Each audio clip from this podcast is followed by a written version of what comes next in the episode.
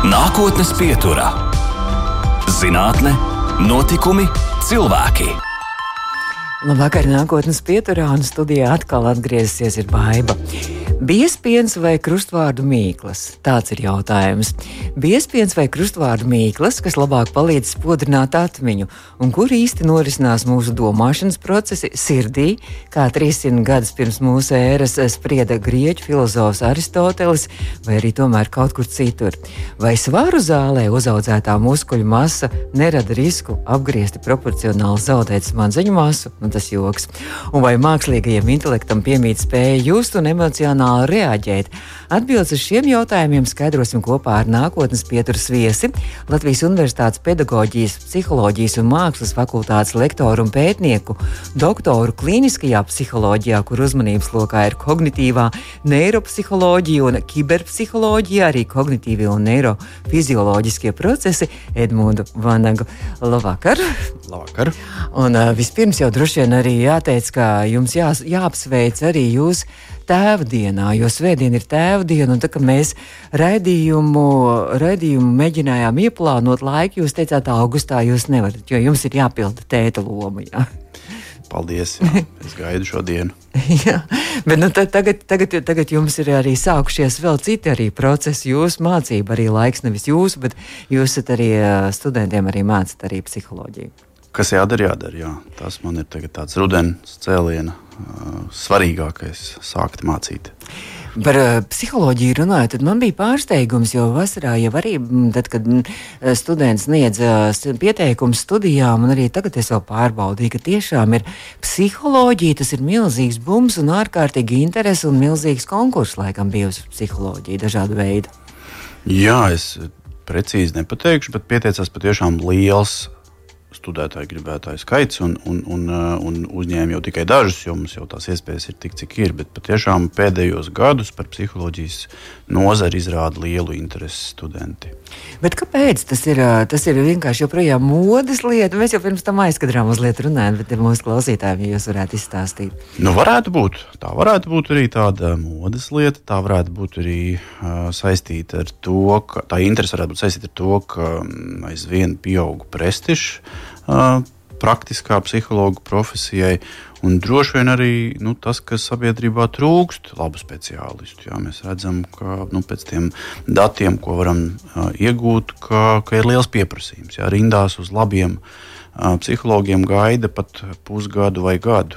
Tas droši vien nav labi. Tāpēc mm -hmm. vajag tos speciālistus vairāk. Bet arī brīvs psihologu darbvietas arī laikam daudz ir un liels pieprasījums arī, kā jūs teicāt, kurās vietās, piemēram, varētu arī noderīgs būt šīs zināšanas un iegūtā, iegūtais diploms. Jā, nu skolu psihologi mums, skolu psihologi mums trūkst ļoti Latvijā. Mums trūkst to psihologu, kur strādātu slimnīcās un bērndārzos un veselības aprūpas centros ar, ar jauniem un, un jau senioriem. Nu, daudz kur arī, arī tajā pašā armijā ja mums trūkst psihologi. Pa brīdim var redzēt, ka sludina un meklē aizvien jaunas un jaunas speciālistus. Tā kā es domāju, visas sfēras organizācijās, kur vien paskatāmies, vai skolās, vai, vai privāti praksēs, visur trūkst to, to labu speciālistu. Jo bija tāds priekšstats, ka trūkst datoru speciālistu, un tā ir nākotnes profesija. Teiksim, jāmācās ir kaut kādas šīs ekseltās zināšanas un zinātnes, bet izrādās, ka tad jūsu studentiem nebūs problēma ar darbvietām. Nu, es ceru, es, es domāju, ka nebūs. Jā. Jūs pasniedzat arī kognitīvo, kognitīvo un arī neiropsiholoģijas kursus. Kas ir kognitīvā psiholoģija? Tā ir viena no psiholoģijas apakšnodarbiem, vai viena daļa, viena maza daļa no, no visas lielās psiholoģijas, tā, kura pēta, kā cilvēks domā. Tie kognitīvie procesi, mēs varam vilkt domzīmi, teikt, ka tie ir domāšanas procesi. Kā cilvēks saprot informāciju, kā to apstrādā un kā kaut ko rada. Ar valodas, ar žestu, ar, ar visu citu mūsu ķermeņa kustību palīdzību. Tā ir tā kognitīvās psiholoģijas daļa. Neiropsiholoģija ir gandrīz vai tas pats, bet drusku tuvāk jau galvas smadzenēm. Mēģina mm. saprast, kur tieši galvas smadzenēs norit, piemēram, atmiņas procesi. Mm -hmm, par to atmiņu runājot, tad mēs varbūt arī varam. Sākumā es uzdevu to jautājumu, vai tad biespiens vai krustvārdu mīkls, tas stereotips ir, kas tad palīdz tai atmiņai, mūsu to atmiņu spodrināt, uzturēt dzīvu un arī ar vien, nu, teiksim, radošu šo atmiņu un arī darbināt to. Nu, ir tādi pamata vaļi, uz kuriem gulstas laba galvas smadzeņu darbība. Tā ir fizisko aktivitāšu. Tas, ir- tas ir fizisko aktivitāšu daudzums, tas ir tas, ko mēs ēdam, arī tā skaitā tas pats biespiens, kas Tiešām, nodrošina. Nu, biespiens varbūt ir tāda nu, kalcija saturoša. Kalcijas saturošs produkts, kas ir ļoti vajadzīgs mūsu galvas smadzenēm, bet ne tikai. Jā, mēs arī daudz ko citu gribam ēst, un, un, un tas viss mums nodara galvas smadzenēm. Bet pats galvenais nosacījums, lai mūsu smadzenes būtu mūžam dzīves un mēs paši būtu ar asu prātu, ir domāt un mācīties jaunas lietas līdz pat pēdējiem elpas vilcienam. Kādreiz domāju, ka cilvēki pārstāja mācīties vai pārstāja būt spējīgi iemācīties tur 20, 30 gadu vecumā. Šodien mēs no pētījumiem uzzinām, ka arī 80, 90 gadus vecam cilvēkam veidojas jaunas šūnas. Viņam notiek šie neiroģenēs, jā, procesi. Tiešām bija pat tāds teiciens, ir smadzeņu šūnas neatjaunojās arī. Tas ir mīts. Ja, ja jaunas smadzeņu šūnas veidojas, gan jāsaka, tiesa ne visos smadzeņu reģionos, bet dažos, it īpaši tajos, kas ir atbildīgi par jaunu atmiņu veidošanos, tur jaunas šūnas veidojas. Bet tikai pie viena nosacījuma, tad, ja mēs kaut ko jaunu mācāmies. Jā, jaunu valodu, jaunu ceļu, jaunas kustības, jaunas, varbūt Ah, kaut pat kādas iemaņas arī jaunas, arī tādas. Tas varētu būt arī kaut Jā. kāds, nu, teiksim, Jā. kaut kād, nu, kā piemēram, kaut kāds jauns rokdarbs vai, vai, vai, Jebkas, vai jeb- iestājamies kādā deju pulciņā vai Brīd, borī, tie, tie, tie ir labi piemēri. Jā. Jebkas, kas mūs var mudināt kaut ko jaunu iemācīties, ko iepriekš neesam darījuši, tas viss rosina mūsu galvas smadzenēm arī rosīties un būt dzīvām. Ja līdzīgi kā mēs arī savu fizisko ķermeni, ja mēs viņu turam tonusā, ja mēs nodarbojamies regulāri ar, ar fiziskām aktivitātēm, viņš arī mums atbild ar tādu labu uh, tonusu. Ja? Bet, ja mēs neko nedarām, tad tie muskuļi sāk drusku lēnāk zaudēt savu elastīgumu, savu Tā kā atrofējās. Un kā, nu, un jā, no- smadzenes arī atrofējās.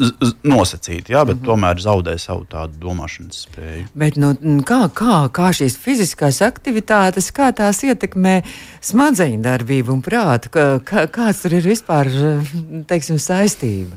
Tur ir daudz dažādu, visādi sarežģītu mīsakarību, divpusēju saistību. Mēs ar prātu ietekmējam savu fizisko ķermeni, fiziskais ķermenis otru, bet no vienas vissvarīgākā ir tas, ja es daudz fiziski kustos, staigāju, pastaigājos, skrienu, braucu ar velospēdu peldus.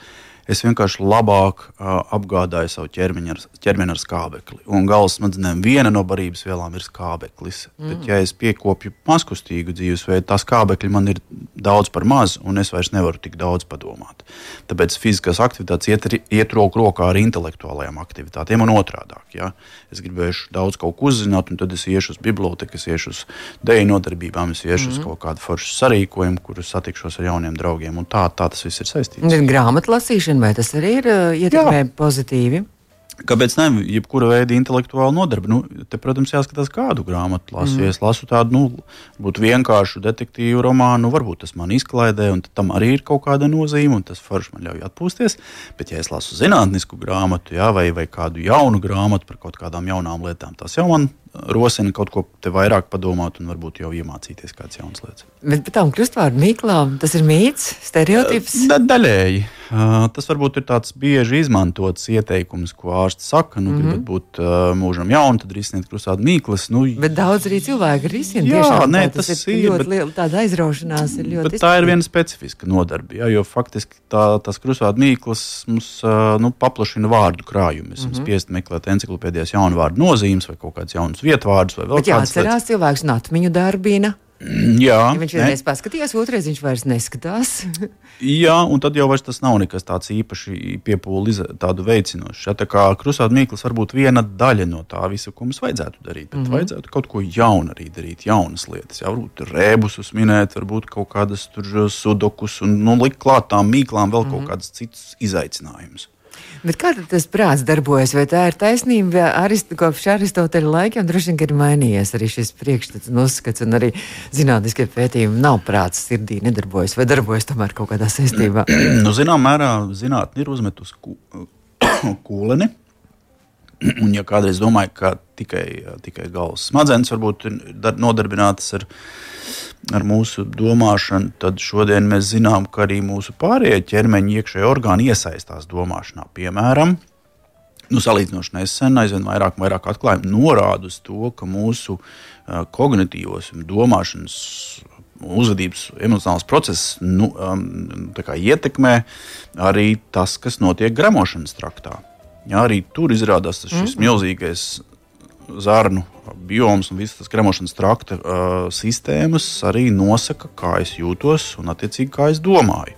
Tā kā arī tur vēl varētu būt viena daļa no tā visa, kas, kas es esmu un kāpēc es tā uzvedos. Un, un, un arī, nu, jā, kā, kaut kādā mērā mēs varam teikt, ka centrālā mm. nervu sistēma ir saistīta, protams, galvenokārt ar galvas smadzenēm, bet arī ar pārējām ķermeņa sistēmām, un tās ir neatņemama mūsu domāšanas sastāvdaļa. Fantastiski. Par klīnisko psiholoģiju jūs esat doktora grāda aizstāvējis klīniskajā psiholoģijā. Tas man tā izklausās kaut kas tāds smagāks, kaut kas nopietnāks. Nu, nu, varbūt izklausās tā smalki, bet patiesībā vēsturiski nosaukums klīniskā psiholoģija nāk no Amerikas Savienotajām valstīm vēl pirms 120 gadiem. Psiholoģija meklēja veidus, kā varētu palīdzēt cilvēkiem, un viens veids bija uh, palīdzēt tiem bērniem, kuriem bija mācīšanās grūtības skolās. Un tad bija psihologi, kur nodibināja tādas ārpus skolu iestādes, kurās konsultē šos bērnus, konsultē viņu vecākus, kas varētu palīdzēt viņiem mācībās, un viņi šīs iestādes nosauc par klīnikām un no turienes nāk nosaukums klīniskais psihologs. Mm -hmm. Patiesībā sakot, tam nav nekāda sakara ar klīniku kā ar slimnīcu. Bet mūsdienās uh, klīniskie psihologi, protams, strādā arī slimnīcās un arī palīdz uh, tiem uh, klientiem un pacientiem, kuriem ir dažādi uh, veselības traucējumi. Tad, un, Varbūt no... arī uzvedības traucējumi arī varētu būt. Tā skaitā, bērniem, ja? jā, tā skaitā arī jā, bērnu klīniskajā universitātes slimnīcā ir uh, nodaļa, kurā, kurā saņem palīdzību tie bērni, kuriem ir uzvedības traucējumi kur, kur, kur būtu jārisina un kur būtu jāuzlabo un jāizmaina. Tur arī eh, kliniskais psihologs ir kā viens no komandas sastāvdaļām. Protams, psihiatri kā ārsti, mm. pamata speciālisti un klīniskie psihologi ir kā atbalsta speciālisti. Šobrīd arī sācies ir jaunais skolas gads, ko jūs varētu arī no savu no speciālistu viedokļa ieteikt, kā, kā bērniem, kā, kā vecākiem droši vien galvenokārt jau izturēties pret saviem bērniem, pret šo mācīšanās procesu, uztveri atmiņu un arī vispārējo prātu darbināšanu. Kaut kāda, nu tā droši vien zelta padomu vienu. Nu, tā ir grūti pateikt, bet es domāju, ka mums ir jābūt labiem uh, tētiem un labām mamām. Tas ir pats galvenais uzdevums. Skolotāji būs labi skolotāji, bet mēs būsim labi vecāki. Jo visticamāk, šīs lomas labāk nejaukt. Mēs neesam pedagogi, mēs nevaram palīdzēt bērniem mācīties, bet mēs varam palīdzēt viņiem uh, atrast labu motivāciju, kāpēc mācīties. Mēs varam nodrošināt drošu mājās mācīšanās vidi, jā, lai viņi patiešām justos ērti. Un mēs varam katru dienu, kad bērns atnāk mājās no skolas, uzdot vienu vienīgu jautājumu. Kā tu šodien gāji, vai kā tu jūties skolā? Un tad viņu uzklausīt nenosodoši par to, kas varbūt sanāca un kas varbūt netik ļoti, un ko varētu citreiz labāk darīt. Par prātu runājot, vai tad jūs varētu arī mazliet paskaidrot tos mehānismus, kas darbina prātu? Nu, uh, ja es to zinātu, es laikam būtu daudz, daudz turīgāks uh, nekā tagad esmu. Jo tas, to, to īsti tā neviens laikam atbildējis nav. Pasaules, tas joprojām ir dienas kārtībā. Šis jautājums, kā ir uzbūvēts mūsu prāts. Jo patiešām, ja mēs atveram vaļā cilvēka uh, galvas kausu, mēs tur neieraugām uh, sarežģītus mehānismus, kurus varētu kā dūlēs dauka izjaukt un visu atkal salikt atpakaļ. Nu, nav tur tāda zobratu. Tā vietā tur ir ļoti sarežģīta, komplicēta bioloģiska šūnu masa, kas savstarpēji sazinās ar daļēji saprastiem veidiem, ar daļēji nesaprastiem. Tas viss, protams, ir aprakstīts un cik nu vien kādos dažādos molekulāros un šūnu un visādos līmeņos, bet ar visu to vienalga līdz galam neesam labi sapratuši. Mēs varam tikai pieņemt, ka galvas smadzenes ir tiešām ļoti sarežģīts processors kurš veids uh, tik daudz darbību vienā milisekundē, ka mēs to pat aptvert nevaram. Gala rezultātā kaut kā tas pārvēršas par to, ko mēs saucam par domāšanu. Bet kā tieši tas notiek, nu, tas vēl ir zinātnes uzdevums. Vai tas arī tikai mīts, vai, vai, vai arī tas, tas arī tiek apgāzts šobrīd? Nu, teiksim, ka dažādas smadzeņu puslodes atbild gan par to radošo sfēru, gan par prātu. Un, un, Vai tā tiešām ir taisnība? Nu, nu, un šis arī nav viegli atbildams jautājums, jo patiešām pirms vairāk kā simts gadiem vairāk bija spēkā šīs uh, centriskuma idejas par to, ka galvas smadzenēs patiešām ir tādi atmiņas un emociju centri un, un, un visādi citādi centri. Nu, mūsdienu dati vairāk liek domāt, ka galvas smadzenes drīzāk darbojas decentralizēti. Tas nozīmē, ka tās ir spējīgas, vienas un tās pašas galvas smadzeņu daļas ir spējīgas izpildīt dažādas funkcijas vienlaikus. Ja patiešām ir kaut kādas daļas galvas smadzenēs, piemēram, kreisajā un labajā galvas smadzeņu puslodē, kaut kur virs ausīm, tajās sāņu daļās, kas vairāk specializējas uz skaņu apstrādi, ja, kas vairāk specializējas uz valodas procesu apstrādi, kas vairāk specializējas uz semantiskajām atmiņām, jeb, jeb faktiem, ko mēs zinām.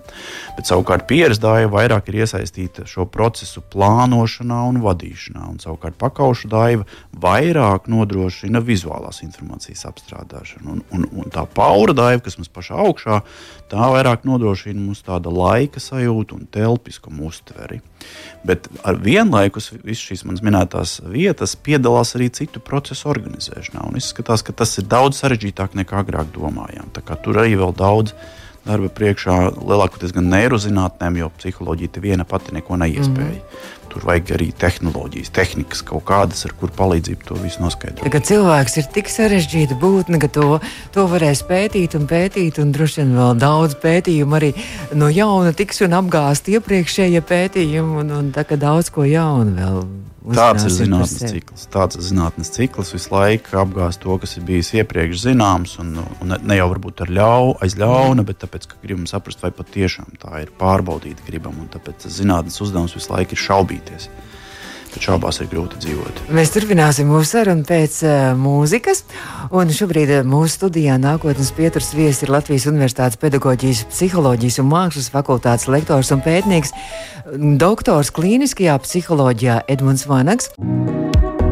Nākotnes pieturā.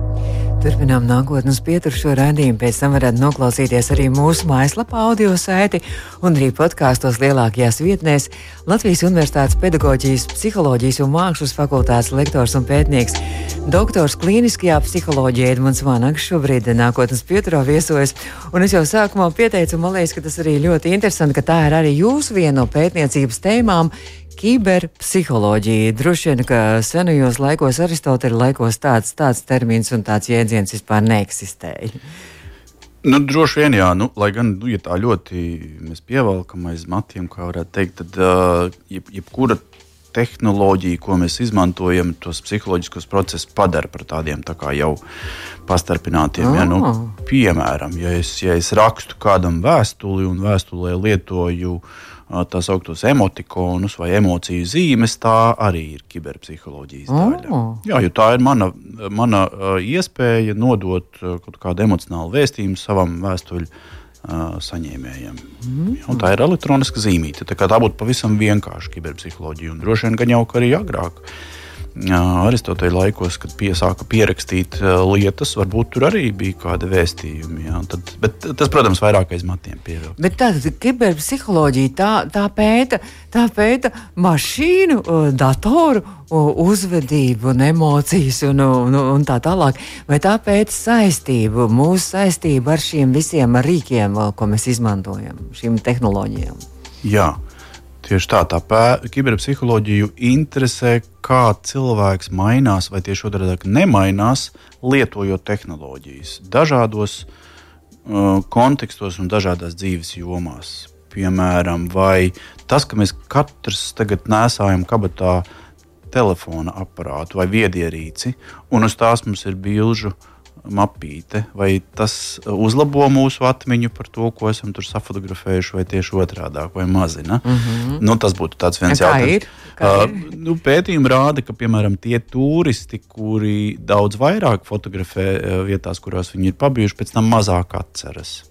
Jo nu, mm. varbūt to daļai var skaidrot to, ka es uzticos fotoaparātam, ka viņš tur ir uh, iemūžinājis to mirkli, bet pats savā bioloģiskā atmiņā to neesmu pat. Un arī daudz vairāk uzmanību pievērst tiešām tehniskajām tām lietām un tam, tam, tam visam, lai būtu skaista bilde un tur kadrs un tā. Droši vien vispār nepamana apkārt daudzas tādas niansītas. Jā, jā, jā tas, tas ir tāds interesants fenomens, ka mums tās ierīces reizē gan palīdz gan traucē, un, un dažkārt nu, neko nepalīdz, netraucē. Nu, vienkārši viņas ir un mēs izmantojam. Bet, vien, nu, es pats personīgi sakot, es, es laikam nevarētu iztikt bez tās viedierīces, jo man tur kalendārā ir sarakstīts dažni dažādas lietas. Un, ja tas man būtu pašam jāatceras, es laikam būtu pusi jau no tā visa nokavējis un aizlaidis. Galu galā arī telefona grāmatiņa mums arī telefonā ir. Visi kontakti un, un to. Jā, un to visu var kaut kur mākonī pieglabāt. Un tā, bet, bet jūs aizskarat arī vēl vienu interesantu lietu, ka pat tiešām mēs arī varētu pētīt pašu ierīču nu, uzvedību. uzvedību vai intelektu. Jā, bet, bet pagaidām gan jāsaka, ka nav vēl tādu sistēmu, kuras, būtu, kuras līdzinātos cilvēkiem. Kaut kur varbūt specifiskās lietās, jā, nu, mēs visi droši vien esam dzirdējuši par labiem valodu modeļiem, kas tagad ir jau pārsteiguši pasauli un kurus mēs lietojam. Nu, tie, bet tā ir viena daļa no tā, ko cilvēks spēj. Šie sarunu boti arī ir. Jā, teikt, jā, jā tie piedarās. Tie piedarās pie tās, pie, pie, pie dabiskās valodas modeļiem. Ja, piemēram, ChatGPT ir viens no tādiem, kas ir plaši zināms, un, bet ir arī citi modeļi. Un mūsu pašu Latvijas uzņēmuma tildes izstrādātie sarunu botu, jā, tie visi ir ļoti interesanti ar to, ka patiešām. Uh, nu, pirmkārt imitē cilvēka darbību, un otrkārt varbūt aizvieto, ja, un pat varbūt kaut kur arī pārspēja kaut kādās sarunās. Nu, piemēram, viņi nav nogurdināmi. Ja, tam čabotam mēs varam uzdot kaut vai 24 stundas. Vienīgi, ja, ja elektrība varbūt beidzās, tad tajā, tajā brīdī tad viss veiki. uz to gan viņi ir jutīgi. Jā, uz to mm -hmm. viņi ir jutīgi. Bet nu, arī tas, mēs pirms rādījuma arī runājām, ir tāds tuninga tests. Ko tas nozīmē, kas ir radies jau pagājušā gadsimta 50. gados? Laikam, jā, ja? bija tāds Alans Turings vai Turings, un viņa, viņa, viņa vārdā šis tests ir nosaukts. Tā testa nozīme ir pārbaudīt, vai tā mašīna, ko esam uztaisījuši, līdzinās cilvēkam. Un tad tas, tas, tas tests ir ļoti vienkāršs. Piemēram, istabā aiz sienas sēž cilvēku komisija, un viņi neredz, kas ir otrpus sienas. Tur pie tā pie tās mašīnas, vai nu ir tiešām dzīves cilvēks, kurš kaut ko raksta uz datora, vai patiešām tikai viena pati mašīna. À, tas ir rakstu valodā, tiek sarunas notiek, jautājumi tiek uzdoti. Jā. jā. Un tad tā komisija uzdod tos jautājumus, un, un, un, un tā mašīna atbild. Tai komisijai ir jāizspriež, vai nu tas ir cilvēks vai, vai tā ir mašīna. Lai, laikam kaut kad pavisam nesen viens tāds uh, tests tika pirmo reizi arī pozitīvi izturēts. Proti, cilvēki nokļūdījās un domāja, ka aiz sienas ir cilvēks, lai gan tur bija mašīna. Bet tā kopumā ņemot, es teiktu, ka šie uh, nu, modeļi, kas mēģina imitēt uh, cilvēku intelektu, pagaidām ir tikai nu, vā, vāji un, un, un sasniedz kaut kādu daļu no cilvēku spējām. Tā kā joprojām, joprojām mēs tomēr uzvaram nu, šo, šo mākslīgo intelektu. Cerams, jā, nu, jā šahā un, un spēlē go un visās iespējamās spēlēs, protams, mašīnas ir pirmajā vietā, un mašīnas šobrīd, kā mēs zinām, labāk par cilvēku nosēdina uh, lidaparātus un paceļ tos gaisā daudz precīzāk nekā cilvēki. Protams, tas mašīnas ir daudzās dzīves jomās pārāks par cilvēkiem ar tādu tā, nekļūdīgumu, bet tā, kopumā ņemot, tas jau nav viss cilvēka intelekts. Es ceru, ka, ka mēs, vēl, mēs vēl varam padzīvot uz šīs planētas. Mm -hmm. kā, kā Bet eh, runājot eh, par, par tādu lietu, kas, kas piemīt droši vien mašīnām, ne, bet cilvēkam, intuīcija, vai tas arī vēl ietilpst jūsu jomā un izpētes jomā? Kas ir intuīcija? Nu, laikam mazāk.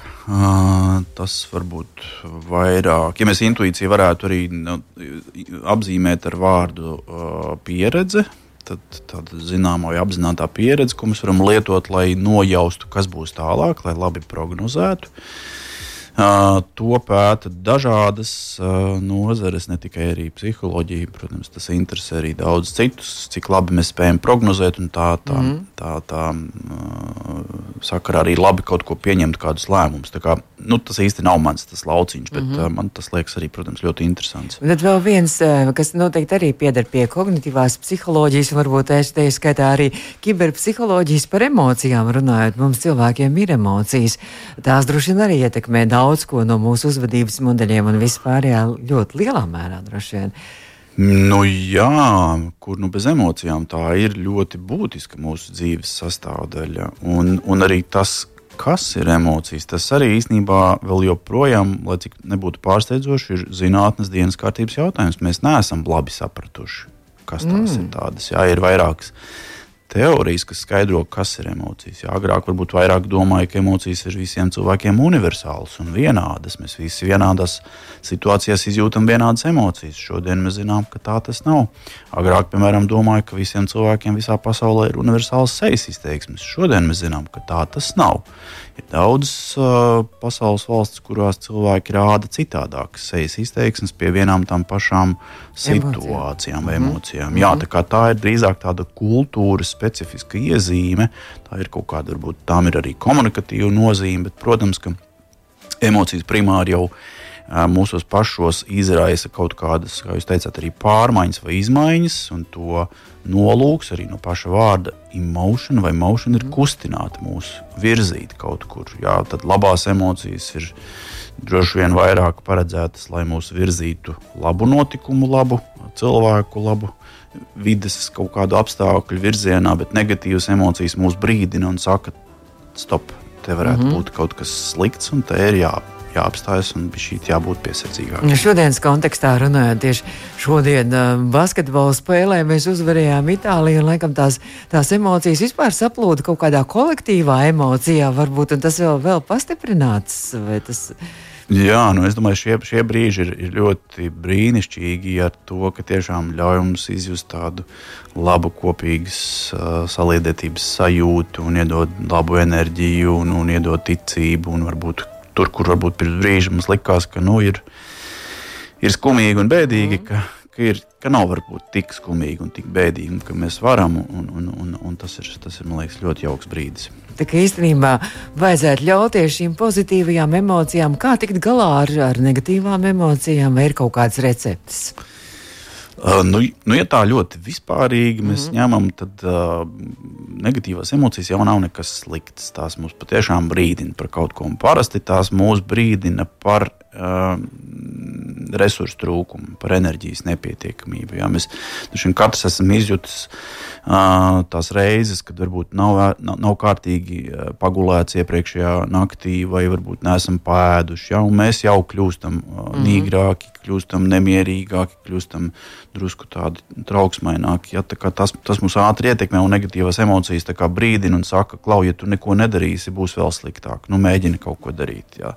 Bet, protams, dažreiz arī ir brīži, kad tās negatīvās emocijas ir. Um, nu, viņas nav konstruktīvas. Mēs mm. teiksim, tā traucējošas arī. Viņas ir traucējošas mm. komunikācijā un sarunās. Un, Un mazu bērnu gadījumā vien, tas, ir, tas ir pilnīgi dabiski. Viņi vēl tikai trenējās un, un mēģina trenēt un attīstīt savus emocionālus mehānismus. Nu, ar pieaugušiem cilvēkiem droši vien vajadzētu būt tā, ka viņi ir iemācījušies labāk vadīt savas emocijas. Ko darīt?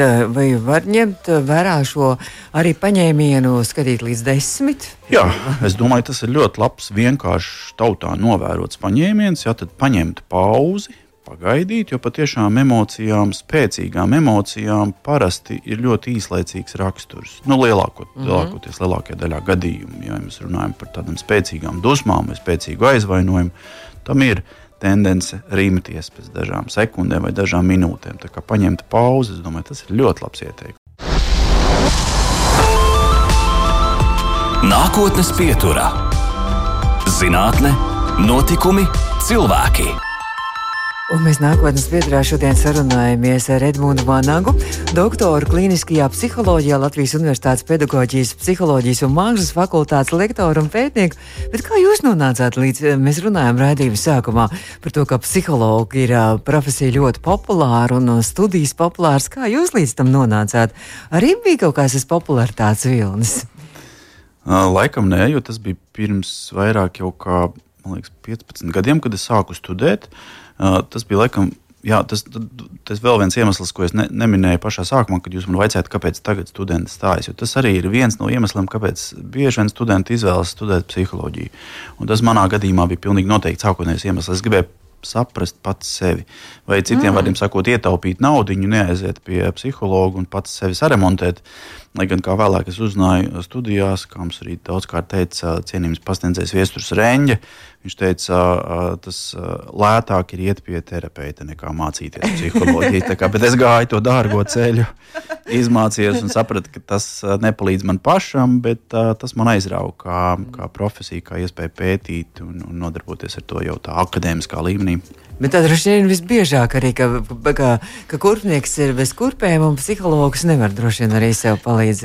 Pilnīgi taisnība. Jā, psihologs varbūt kaut ko var labāk saprast, ir tā teorētiski, kas ar viņu notiek, bet palīdzēt viņš sev nevar. Mēs nevaram sev aiz matiem izvilkt no tā porva, ja, ja reiz tur esam iestiguši.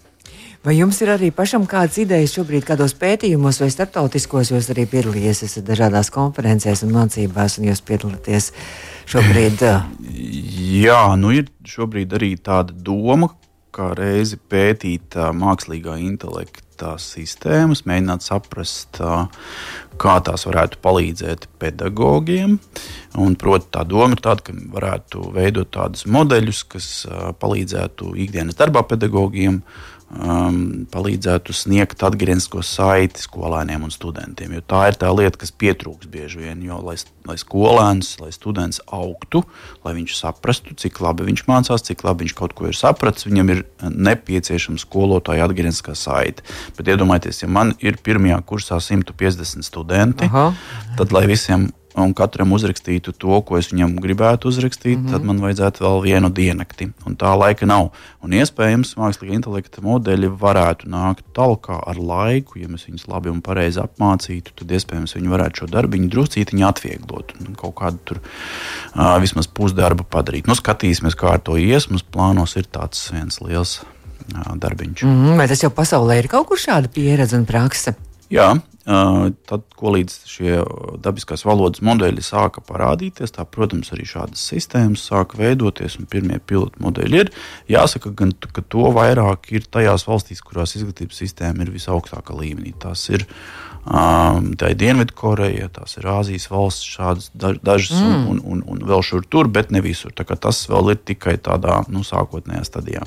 Droši vien arī šis mākslīgais intelekts tajā pašā laikā arī pasniedzējiem, pedagogiem, skolotājiem arī apgrūtina zināmā mērā arī viņu dzīvi. Taisnība, jā, taisnība, jo tur, protams, skolēns un students jau tagad saprot, ka tā ir uh, sistēma, kas varētu viņu vietā arī kaut ko darīt. Vai, ne? un, mm. vai tikai pasniedzējs tur varēs kādu labumu rast. Skolēni arī šobrīd ir topu gudrāki un mēģina izmantot šīs sistēmas, lai, piemēram, uzrakstītu kādas esejas. Jā. Tā kā, tā kā īstenībā pedagogiem ir kā gandrīz vai ķūringa tests arī jāizmanto un jāņem tā, tālāk, jā, tā. lai, lai noteikti, kas to ir radījis. Vai, tā, jā. vai students vai mākslīgais intelekts. Bet runājot arī par dažādām ar ētiku saistītām arī lietām, par, par smadzenēm, atgriežoties mazliet vēl redzījuma izskaņā un varbūt arī saistībā ar visu mākslīgo intelektu.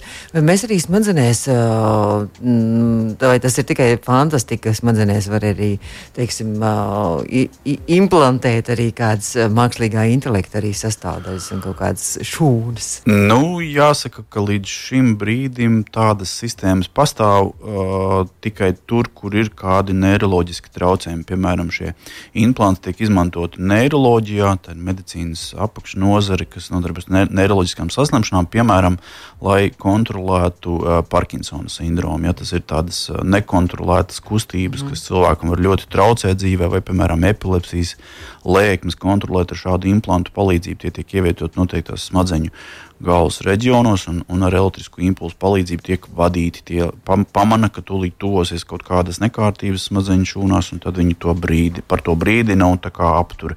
Bet vai būs tādi kādreiz čipi, kas uh, uzlabos mūsu domāšanu? Mm -hmm.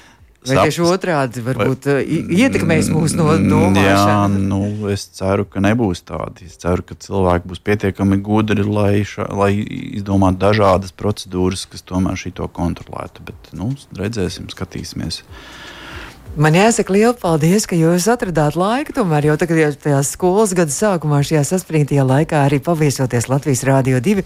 Nākotnes pieturā Latvijas Universitātes pedagoģijas, psiholoģijas un mākslas fakultātes lektors un pētnieks, eh, doktors klīniskajā psiholoģijā Edmunds Vanaks šodien viesojās nākotnes pieturā. Izskan nākotnes pieturā.